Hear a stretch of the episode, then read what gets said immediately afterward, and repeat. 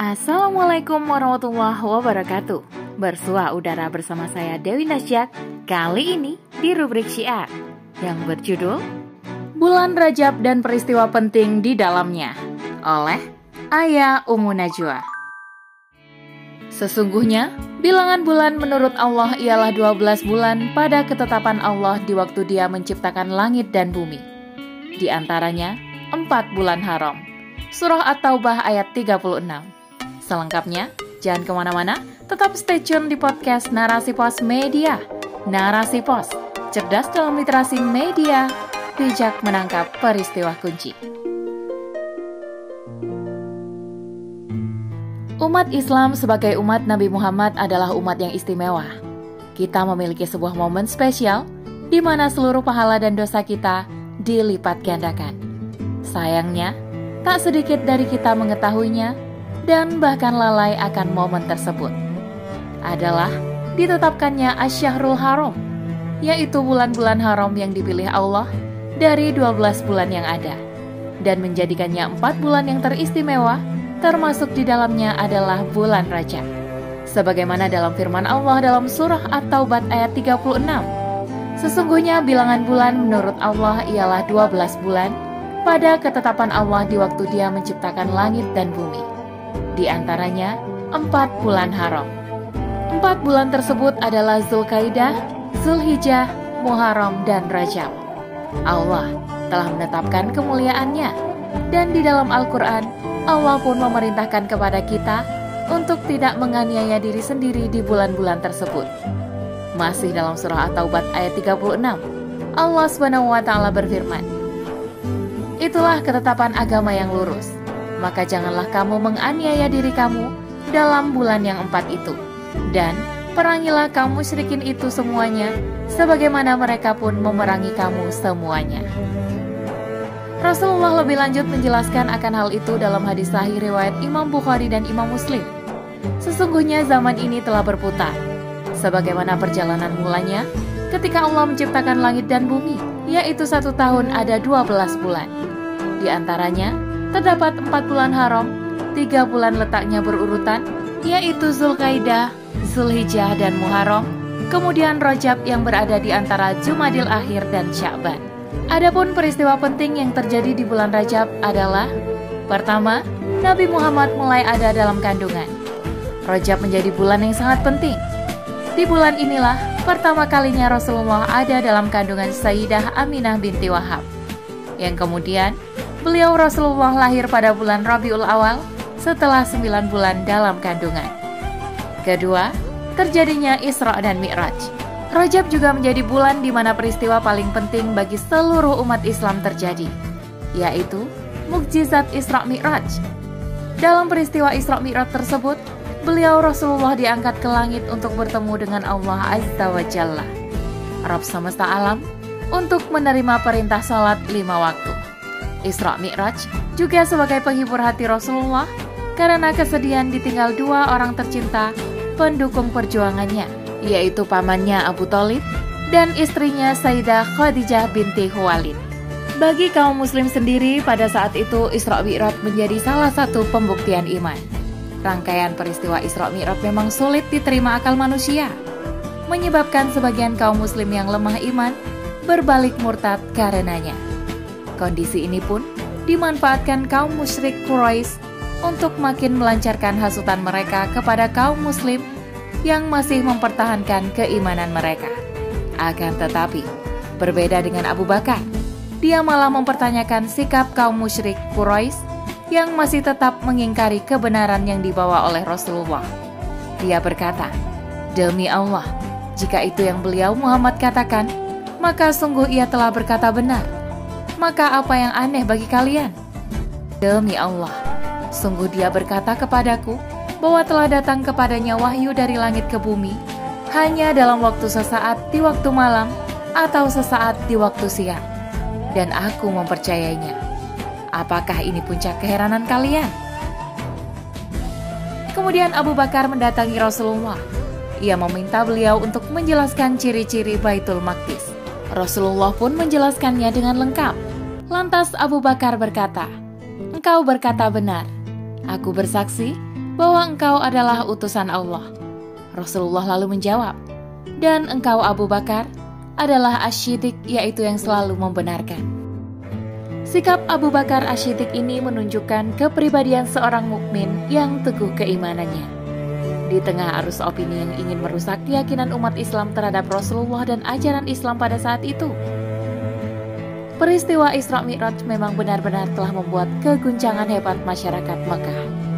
Namun, justru Rasulullah menemukan urgensitas bagi tonggak berdirinya peradaban Islam.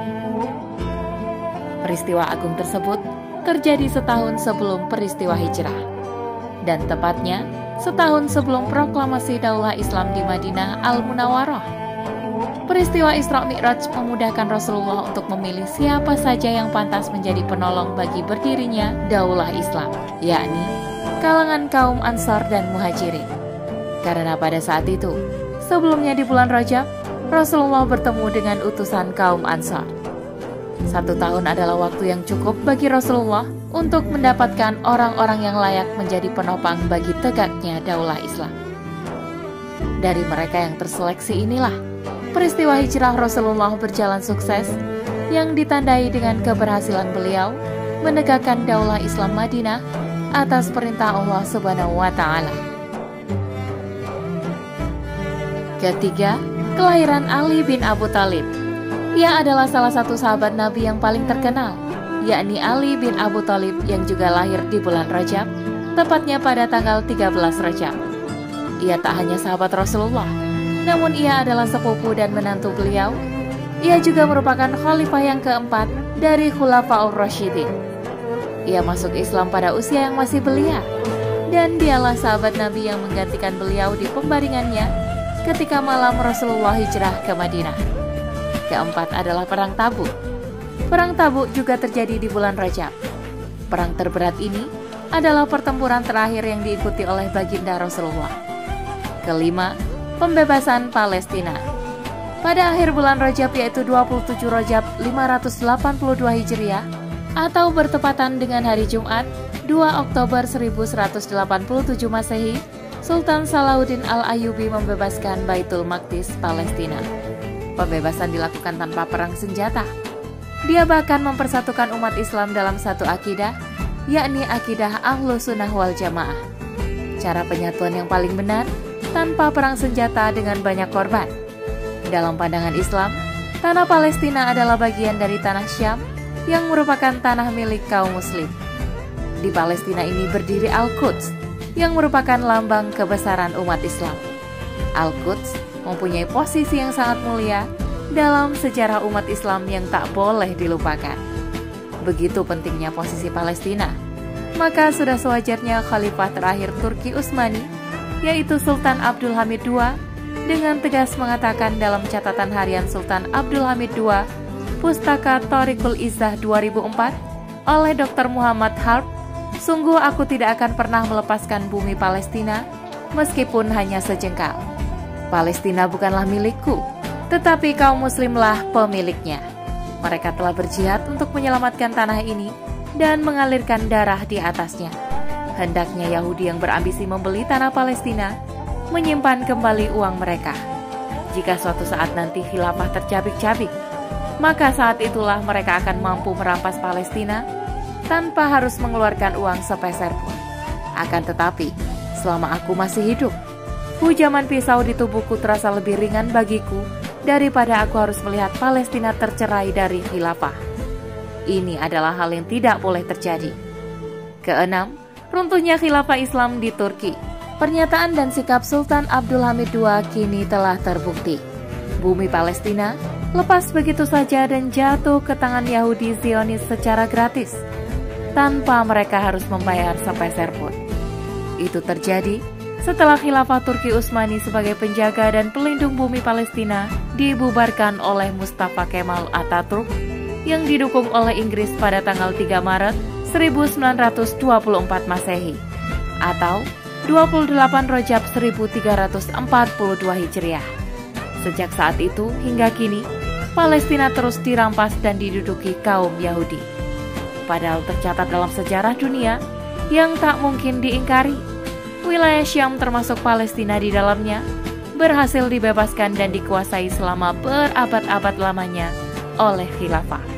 Dengan pembebas pertama yaitu khilafah Umar bin Al-Khattab setelah memenangkan perang Yarmouk.